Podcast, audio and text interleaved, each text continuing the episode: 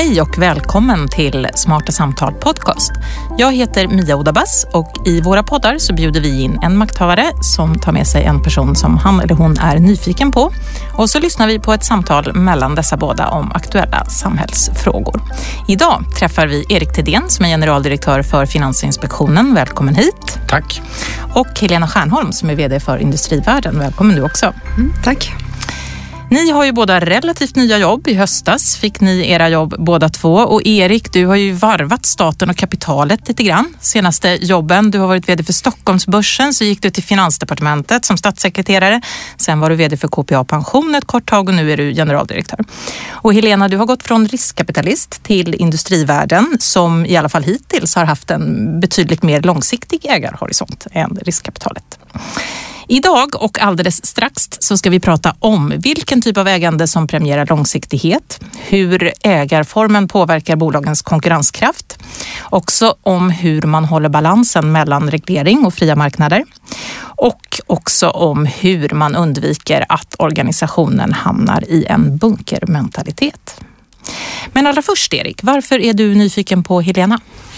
Ja, eh, Helena eh, för mig representerar en, en ny företagsledargeneration och kom ju också in i ett väldigt, väldigt spännande skede i industrivärlden efter den turbulensen som vi alla kunde läsa om och som man i alla fall uppfattar en vilja från ägarna i industrivärlden att, att, så att säga, eh, göra om och, och eh, tänka lite nytt. Eh, och hon kommer då också från en värld som, trots att jag varit både i privat och, och offentligt, inte känner till speciellt väl, nämligen riskkapitalvärlden. Så att, eh, eh, därför så har jag bjudit in Helena. Mm.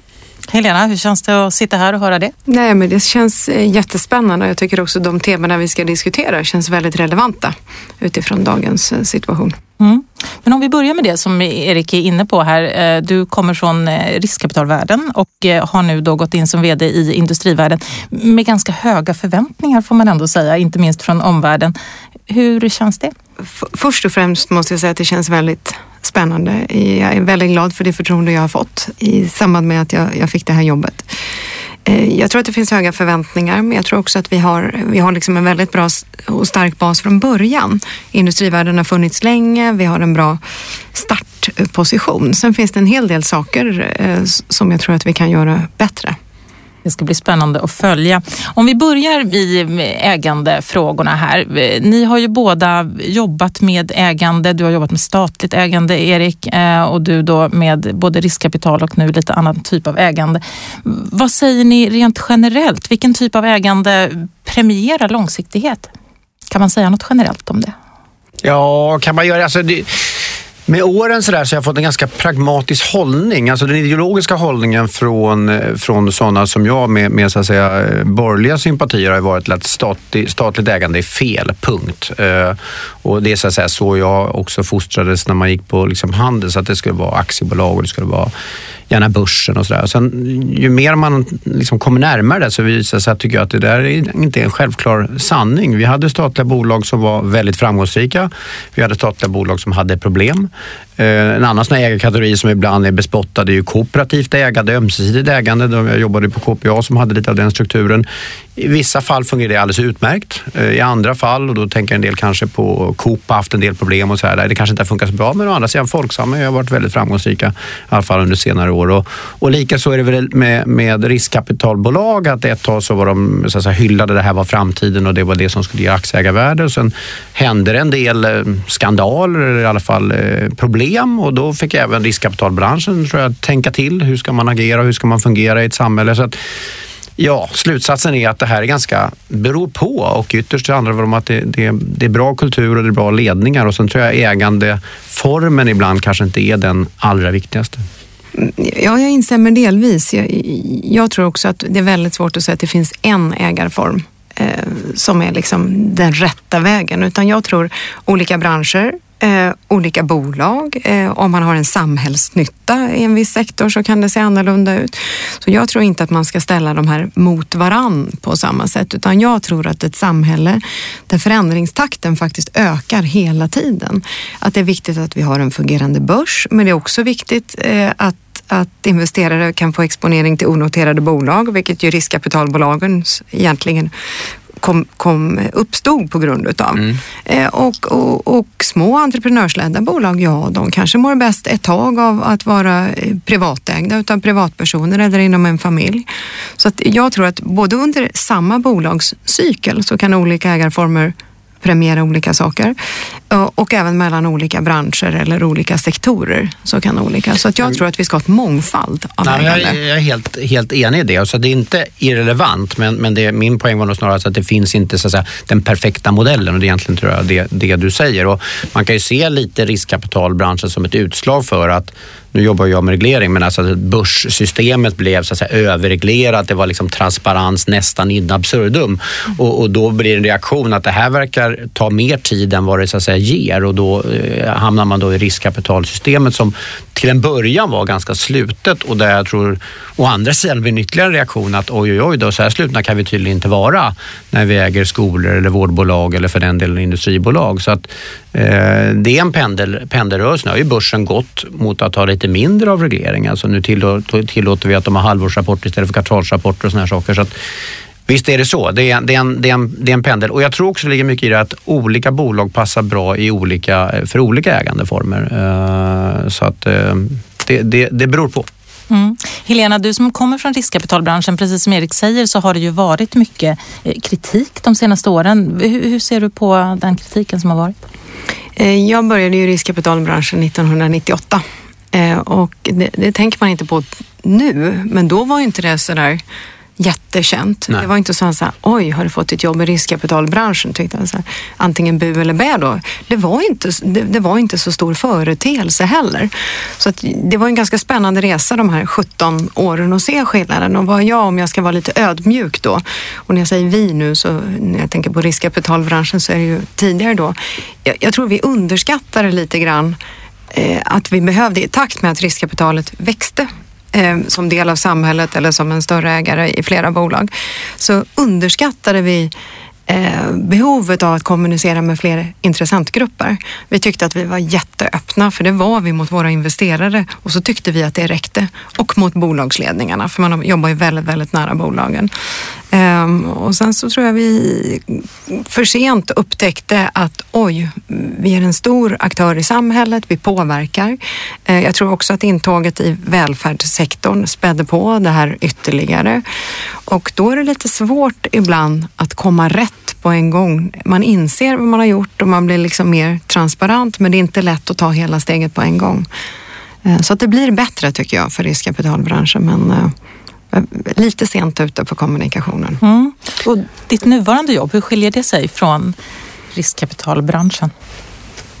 Alltså det finns ju många likheter, men det är klart en stor skillnad är att, eh, att nu jobbar jag i den noterade världen. I riskkapitalet var det både vi själva var onoterade eh, och till viss del då ibland hemlighetsfulla och bolagen var onoterade. Idag, idag är industrivärlden ett noterat bolag.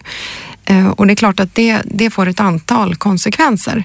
Det blir mycket mer offentligt. Ehm, vi är inte majoritetsägare i de här bolagen heller, utan vi är en stor minoritetsägare.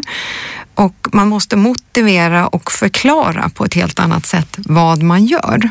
I en onoterad miljö som majoritetsägare har man ett väldigt stort handlingsutrymme. Och så rapporterar man kanske externt en gång om året ordentligt. Liksom. Eh, så det, det, det är ju en stor skillnad eh, förstås. Sen ägarhorisonten eh, är ju en annan stor skillnad. Eh, och Eh, vi kan debattera vad som är långsiktigt eller inte. Eh, men, men, det som jag tycker är positivt i riskkapitalmodellen är att man är väldigt tydlig. Man vet att man har en horisont på någonstans eh, kring fem år kanske i genomsnitt. Jag tror knappt fem år var genomsnittet i Norden när jag tittade sist i innehavsperiod. Och så gör man en plan för fem år och så är styrelsen, ägarna och ledningen överens om den här planen. Här ska det här bolaget vara om fem år. Och sen jobbar man mot den hela tiden. Sen om det kommer en dålig månad eller ett dåligt kvartal, det kan man ta så länge bara man vet att man går mot det här målet som alla känner till. Eh, så på så sätt blir det långsiktiga beslut fastän innehavsperioden är kortare än om man sitter kanske som jag gör nu då och en långsiktig kapitalförvaltare i noterade bolag. Det finns väl, eh, men det här är ju det, det som framgångssagan för, för, för riskkapital är ju den här tydliga länken mellan ägande, ledning och, och kunder och anställda om du vill. Eh, Medan den i, i, i börsnoterad, framförallt med spritt ägande, blir väldigt vag så att säga. Det är, det är en stämma och det är någon slags eh, diskussion men sen är det, kan, riskerar att bli väldigt mycket av tjänstemannastyre. Så det är ju den stora styrkan och som skapar trycket och som är också därför det, det kommer att bli mer så. Och där, ibland kanske börsmodellen med sina eh, regler och transparens gör det svårare, till och med för industrivärlden som är en stor ägare, att, att liksom styra bolagen. Va? Eh, så att det, jag tror att det där, den där modellen finns det något, något väldigt positivt i och det är väl min bild också från statliga bolagen att det finns mycket kritik som, som fördes fram både mot vad vi gjorde och kanske andra gjorde men, men jag tyckte liksom att när man ägde bolagen helt då var det liksom ingen snack om vem som hade ansvaret. Det var och inte vem som bestämde heller. Nej, nej just det. och det måste man ju då självklart balansera. Jag, jag, en av de som vi hade som ordförande i ett av våra bolag han sa att han hade jobbat både i ett börsbolag med staten som ägare och ett riskkapitalbolag. Det är alltså exakt samma bolagskod. Det är exakt samma aktie, vad heter det? aktiemarknadslag. Vad heter det? Aktiebolagslag. Aktiebolagslagen. Eh, och det var helt olika. Helt olika styrning. Mm. Eh, och det är lite intressant. Va? Eh, och det var ingen som begått något lagbrott. Det är bara man, det är hur det här hanteras. Och det, där kan ju, det ser ju du då, antar jag, väldigt tydligt nu när du har gått mm. i industrivärlden. Och jag såg det definitivt skillnaden bara på de bolag där vi var minoritetsägare och de bolag där vi var huvudägare. Då tänker jag så här Helena, förra veckan när du presenterade er rapport så kände man att eh, det är ändå en del förändringar på gång i industrivärlden. Du aviserade att ni ska öka förändringstakten, eh, att ni också ska ha eh, mindre skulder för att kunna vara bra ägare, bra investerare i både bra och dåliga tider. Eh, ni ska sänka utdelningen lite grann, sälja av en del och ha mindre tålamod med eh, lågpresterande investeringar. Det låter lite som att du tar med dig kanske en del av det här tänket från riskkapitalbolagsägandet, stämmer det? Ja, den där sista meningen kommer jag väl att få äta upp länge, men vad jag, tror jag, eh, eller vad jag försöker förmedla, jag tror att det är två saker. Eh, och, och, och det ena är att vår avkastning har inte varit tillräckligt bra.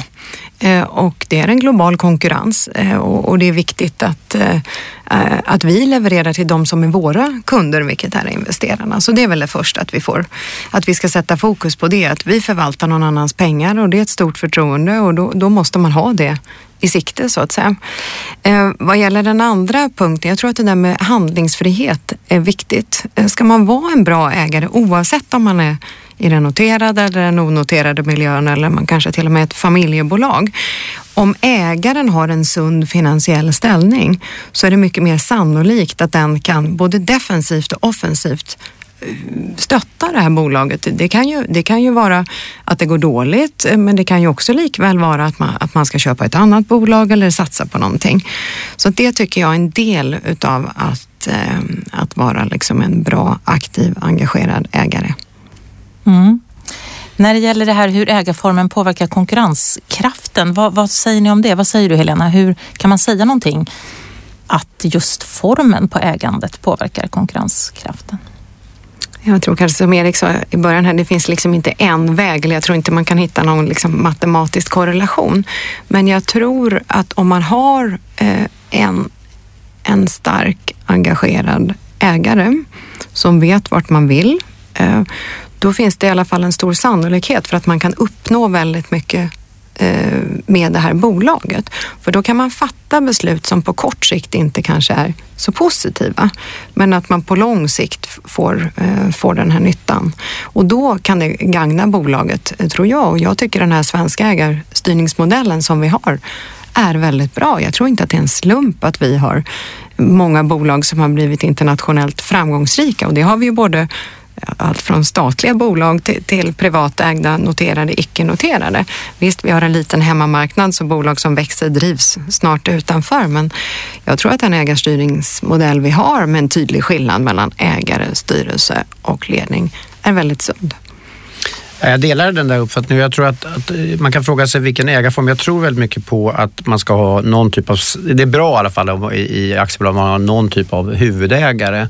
Och jag brukar ibland tänka så att eh, det viktigaste uppgift som ägare, en del tror jag att det är de som, då kan man köpa bolag en viktig uppgift är att säga nej. Eh, för väldigt mycket av drivkraften att expandera, att köpa, att göra nya saker, den kommer naturligen från, från management och det är så att säga inget fel. Men det är just då som man ska ha den där kloka, analytiska ägaren som har egna pengar som säger nej tack, det där är för stora risker. Och det tror jag de framgångsrika ägarna, det är deras, det är lite som en finansminister faktiskt. Man brukar säga att de bästa finansministrarna är de som säger nej när de kommer in i rummet. Och det, det är liksom, man håller i pengarna och man värderar väldigt noga vad man vill gå in i.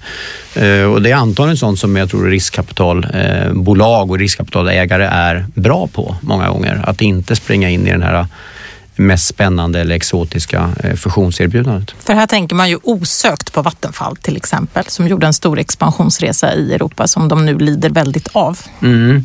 Jo, men det, jag var inte med när den expansionsresan gjordes. Eh, samtidigt tycker jag att Eh, man ska också vara ödmjuk. Det, det, det är klart att det antagligen berodde på att man inte hade tillräckligt, så att säga, tillräckligt starkt nej-sägande. Det, det tror jag det är säkert så. Men man ska, eh, det vi försökte prata om när de här frågorna kom upp det var att alla kraftbolag i Europa hade enorma problem. Alltså, de halverade och mer än så börsvärde från de stora tyska och franska kraftbolagen. I Sverige fick vi någon diskussion om att allting berodde på att det var statligt ägt och alla kraftbolag blomstrade. Så var det ju inte.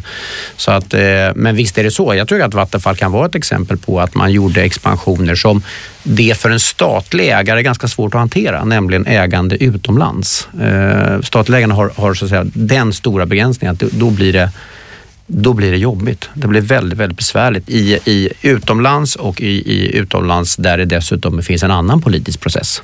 Vilket det gjorde i, i Tyskland och de hade så att säga, sin egen energidebatt och vi hade vår energidebatt och det är klart att den dynamiken eh, var ganska svår hantering. Men menar du då att statliga, statligt ägda bolag inte är som bäst lämpade att expandera utomlands? Jag tror att man ska vara väldigt restriktiv på det för att statliga, det ligger, det är ju svenska folket som äger det så att säga. Så att jag, jag, tror att man ska ha en väldigt, man ska vara väldigt försiktig med att säga ja till expansion utomlands utan det är bättre om man försöker hålla sig och om inte det fungerar då ska man, då ska man fundera på om man ska äga det. Det skulle jag nog säga. Eh, nu sitter du Erik på regleringssidan i ditt nuvarande jobb. hur ser ni på den här balansen? Det är klart att det behövs regler och regleringar. Eh, samtidigt så är det ju en fri marknad och där man ska konkurrera fritt. Hur hittar hittar man den här balansen? Nej, men jag tycker grundansatsen är, är, är, fel, så att säga. För det är ingen eh, kapitalistisk ekonomi som är tänkt att fungera helt utan regler, utan tvärtom, den fungerar för att det finns regler. Så det, är liksom, det måste man ha klart för sig. För det finns en aktiebolagslag, det finns trafikregler, det finns eh, saker vi får eller inte får göra. Både som privatpersoner och som företag. Och det, har vi inte det, har vi inte lagar i ett land, då, finns det, ja, då är det bara att åka ner till, eh, till länder som har anarki och kaos och då, då vet vi hur, hur det går där. Så det är hela grunden för ett framgångsrikt kapitalistsystem är ett bra legalt system. Men sen är då följdfrågan, ska man dessutom ha väldigt tydliga detaljregleringar i olika branscher? Jag tror man ska vara, eh, fundera på hur de, på processen det här kommit fram. Alltså de regleringar som nu, eh, skulle någon säga, väller in på finansmarknaden eller har vällt in på finansmarknaden. Det är ju i stor utsträckning en konsekvens av ett, eh, ett misslyckande, ett finansiellt misslyckande, eh, framförallt 2007-2008. Har det landat helt rätt? Nej, det vore ju konstigt om det landat helt rätt. Men jag tycker en hel del av de regler som nu kommer, högre kapital på bankerna, tydligare ta, eh, krav på, på, på governance och styrning i försäkringsbolag och banker. Det tror jag i grund och botten är, är, är riktigt och sen får man liksom kalibrera under resans gång. Vad säger du Helena som delvis äger en bank? ja, ehm, nej men för att ta ett steg tillbaks. Eh, jag instämmer i att självklart måste man ha tydliga spelregler. Vad jag tycker har sett, jag har jobbat med bolag i lite olika storlekar och olika branscher. En sak som är väldigt viktig och som jag tycker har med attraktiviteten för ett land att göra också, det är att de här spelreglerna är tydliga och stabila. Självklart måste man eh, ändra eller införa nya om det händer någonting. Men jag tror att det är väldigt viktigt för att man ska få en investeringsvilja, framför att man ska få entreprenörskap i mindre bolag, eh, investeringsvilja både på små och stora bolag. Att man känner en trygghet i att om jag investerar här, då ser det ut ungefär så här om tre år, om fem år och så vidare. För det är ganska eh, tuffa långsiktiga beslut. Det, det, tycker jag är en jätteviktig del utav, av regleringar. Och att det är tydligt och klart och att, att man inte fastnar i processer som tar för lång tid. För det tror jag. Jag tror man kan ha regleringar som reglerar vissa saker men det är viktigt att, att de processer som finns att de hålls med en viss takt så att det inte föregår osäkerhet. Då tänker jag ju osökt på välfärdssektorn. Där har det ju varit väldigt oklart hur eh, reglerna ser ut, vilket förstås har hämmat investeringen. Ja, absolut. Och, och som, som oftast så är det min personliga tro att det hämmar ju alltid de, eh, de minsta företagen och de minsta entreprenörerna mest. Och där, i, i det fallet tror jag den här osäkerheten har gjort, fått egentligen motsatt effekt. Eh, det fanns ju många som talade om att man vill inte ha de stora bolagen utan vi vill ha kooperativ eller vi vill ha små eh, bolag, en sjuksköterska som startar ett vårdhem. Men om du inte vet spelreglerna. Kommer du att pantsätta ditt hus, hoppa av ett fast jobb för att starta ett privat vårdhem? Jag är mycket tveksam. Men om du är en stor koncern och kan balansera risken i många olika marknader, i många olika segment, då är det väsentligt lättare. Så att jag tror att den osäkerheten har skadat, absolut. Men det här är ju ett spel för att eh, jag, menar, jag hör ofta det att man liksom, eh, och det är svårt att säga emot. Vi ska ha stabila regler som är förutsägbara. Så det, och det är liksom, vem tycker inte det? Men när vi inte får det, när det är lite mera osäkerhet, det beror oftast på att någonting har gått riktigt, riktigt fel. Det vet vi att det gjorde i finanssektorn 2008. Många tycker, eh, jag har ingen stark uppfattning om det, många tycker att det också gick delvis fel i välfärdssektorn med riskkapitalbolag. Och så att jag menar, det här ligger ett stort ansvar på de privata aktörerna att om man är i en bransch som man vet är samhällsviktig och känslig och det är det de flesta branscher eh, när man börjar granska det, att man då tar det så långsiktigt ansvar. Hur ska vi göra det här så att det ska bli bra? Vad är det för frågor vi bör adressera? Om man sen gör det själv eller i en branschförening så. Gör man inte det, och går på en mina, ja då är man inne i en värld som blir väldigt osäker och, och delvis ryckig. Eh, så att man har ett stort ansvar där eh, att agera även eh, som privat entreprenör eller företag helt enkelt. Vad säger du om det, Helena? Brast det i ansvaret där från just riskkapitalsektorn när vi tänker på välfärdssektorn, företagen till exempel? Alltså jag kan inte uttala mig ett specifikt, eh, ett specifikt fall, men jag tror att lite parallellen mot tidigare, jag tror att de flesta kvalitetsundersökningar visar ju inte att kvaliteten är sämre i de privata, utan många visar faktiskt att det är bättre. Och i alla fall så är det väldigt eh, lika. Det är väl det som är den, den största. Lite olika undersökningar visar olika saker. Men jag tror kanske igen att man underskattade lite den här eh, strålkastarljuset mm. Mm. som kommer på. Och då var man inte så duktig på att hantera. Um, och, och det, det, blir ganska problematiskt för det är också väldigt många människor som sliter hårt i de här bolagen uh, som ju får en mycket, mycket tuff... Jag brukade känna så många gånger att jo, men det är väl okej okay att man gick på mig eller det företag som jag representerade eller mina konkurrenter. Men det som var tuffast, det var ju att gå ut och, och träffa de som var anställda i de här bolagen som helt plötsligt kände att de inte ville tala om på en middag på helgen vart de jobbade för att det fanns en sån. Och, och, då går det långt tycker jag. Men, men visst, man, man, hade kunnat hantera det på ett lite annat sätt från början. Eh, hörni, det här med självreglering, det är ju någonting som man diskuterar naturligtvis hela tiden och på många områden. Till exempel också på det här med eh, kvinnorepresentation, balans, könsbalans i eh, styrelser och ledningar och överhuvudtaget. Är näringslivet för dåligt på att självreglera sig på, på just det området? Det blir tystnad. du kan få börja. Ja, ja, ja, det här är ju liksom en fråga som, som alltid går mellan liksom tvång och frivillighet. Så att, eh, de som är i hörnet att det är alltid bra med frivillighet vi inte ska inte göra någonting, de skulle ju idag, då skulle ju världen sett annorlunda ut idag. Då hade vi inte alls haft, eh, kanske inte Helena varit VD för Industrivärden. Alltså det, är liksom, det, det, är ju för att den här debatten pågår och den pågår delvis under ett hot av, av alltså tvång för att man, man, man, man man måste se hela, hela befolkningen. Samtidigt har jag också stor respekt för de här som tycker att ska vi gå den vägen, att vi ska tvinga och vad, är då, var går då gränsen? Är det, ska vi göra så i styrelser?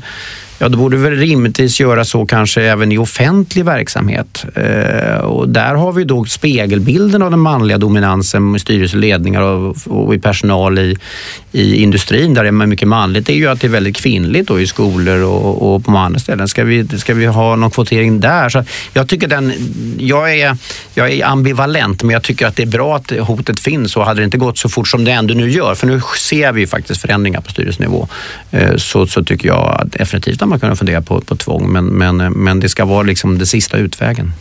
För hotet finns ju där. Den nuvarande regeringen har sagt att om det inte blir 40 procent efter eh, vårens stämmor så ska man lägga någon slags förslag i höst. Hur ser du på detta Helena? Eh, jag är ju emot eh, kvotering. Eh, jag kan hålla med Erik i att det är väldigt bra att debatten finns. Eh, och man kan fundera på hur det ser ut om hotet om kvoteringen. Det, det, det, kan jag instämma i. Jag tycker bara ett par saker. Dels Dels blir det svårt att definiera, precis som du säger. Ska det vara börsnoterade bolag på stora listan för där är det lätt att mäta. Ehm, man frågar ibland varför finns det inte fler eh, kvinnor i, i, som är entreprenörer? Ja, det är för att kvinnor ofta jobbar i större utsträckning i branscher där det mm. inte har varit lika lätt eh, att driva företag av många olika anledningar. Och, och, precis som du säger, det finns ju ledningsgrupper och det finns fackföreningar och det finns eh, politiska mm. och myndigheter och alla. Även om politiken har varit, på vissa ställen varit väldigt duktiga på att, att genomföra det snabbt. Eh, jag tycker det är viktigt att det går i rätt riktning.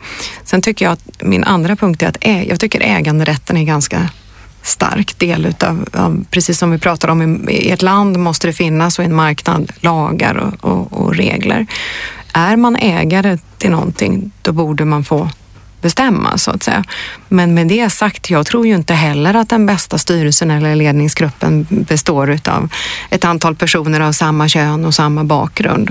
Allt för många, tycker jag, kvinnor som redan i min unga ålder, till exempel drygt 50, eh, blir styrelseproffs. Eh, för att det är klart att det finns en efterfrågan på duktiga kvinnor, delvis på grund av den här debatten.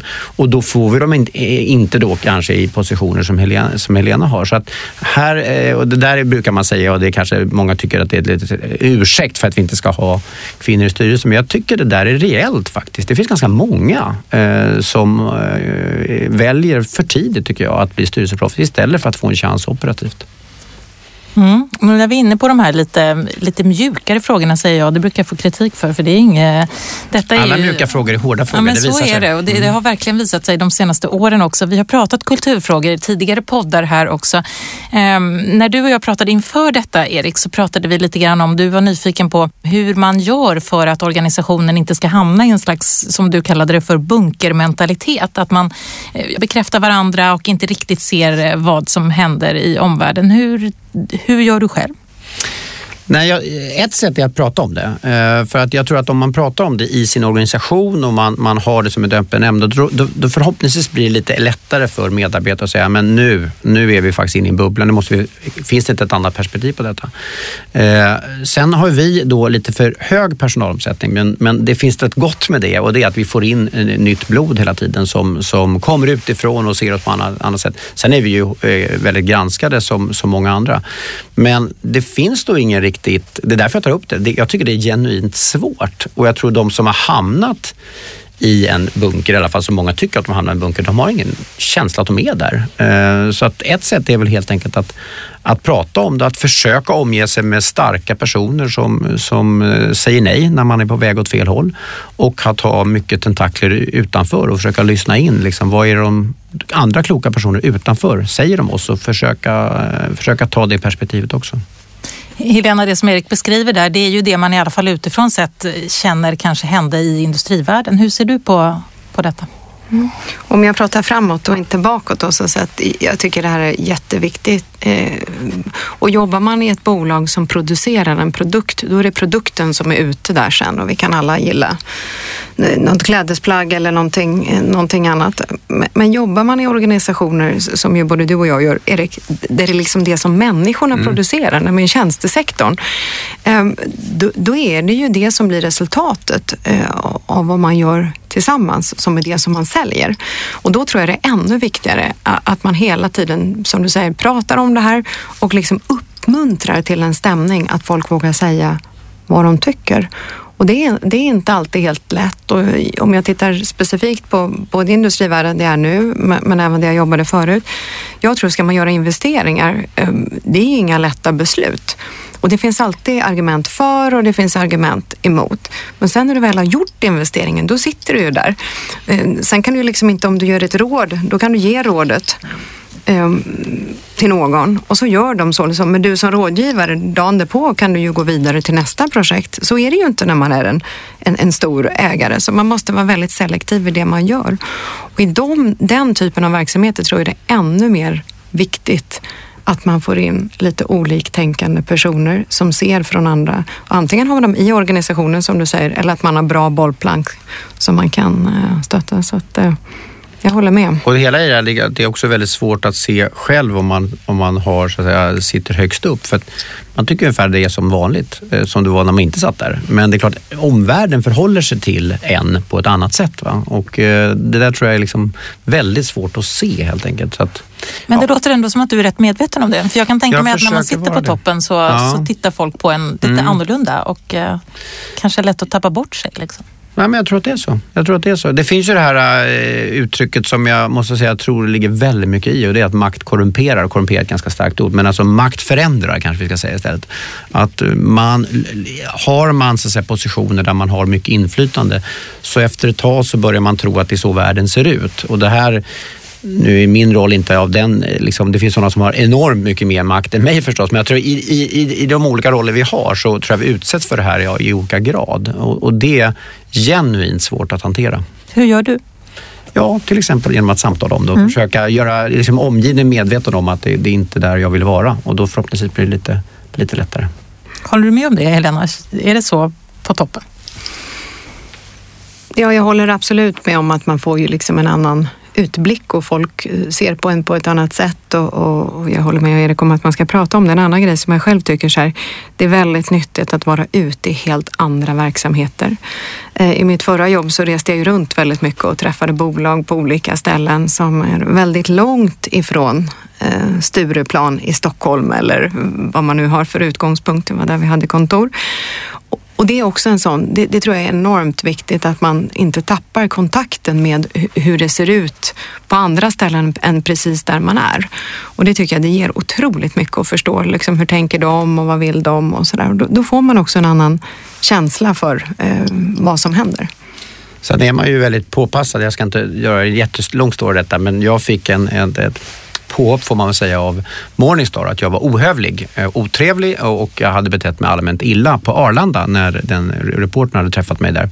Och det skrevs en krönika om detta. Jag tyckte det var lite förvånande men det visar på att någon hade liksom strålkastarljuset på mig. Det visade sig att det var min tvillingbror som hade träffat den här reportern och han hade inte förstått vem det var och därmed så tyckte väl han inte att han behövde vara överdrivet trevlig mot honom utan mer undrade vad det där var för någon som kom fram och ställde massa frågor. Va? Det är lite sedelärande i den meningen att, att eh, om, om jag nu skulle ha betett mig lite illa mot no, någon så kan det alltså generera en artikel och det gäller ju förstås för dig också Helena. Att, eh, vi brukar ibland träffas på spårvagnen. Det är klart, ska, gör, gör man något dumt där så är det rätt för det är någon som står och känner igen det. Va? Och det där, ja, det, det är en del av det här att man liksom börjar förhålla sig till det. Det här blev mer en rolig historia men, men jag var ganska chockad när jag blev anklagad för att vara ohövlig. Så du har pratat lite allvar med din bror sen? Eller? Uh, nej, han var nog väldigt, väldigt störd över detta själv faktiskt. Ja, okay. ja. I detta sällskap är det bara jag som kan vara otrevlig i fred kan jag säga då. Mm.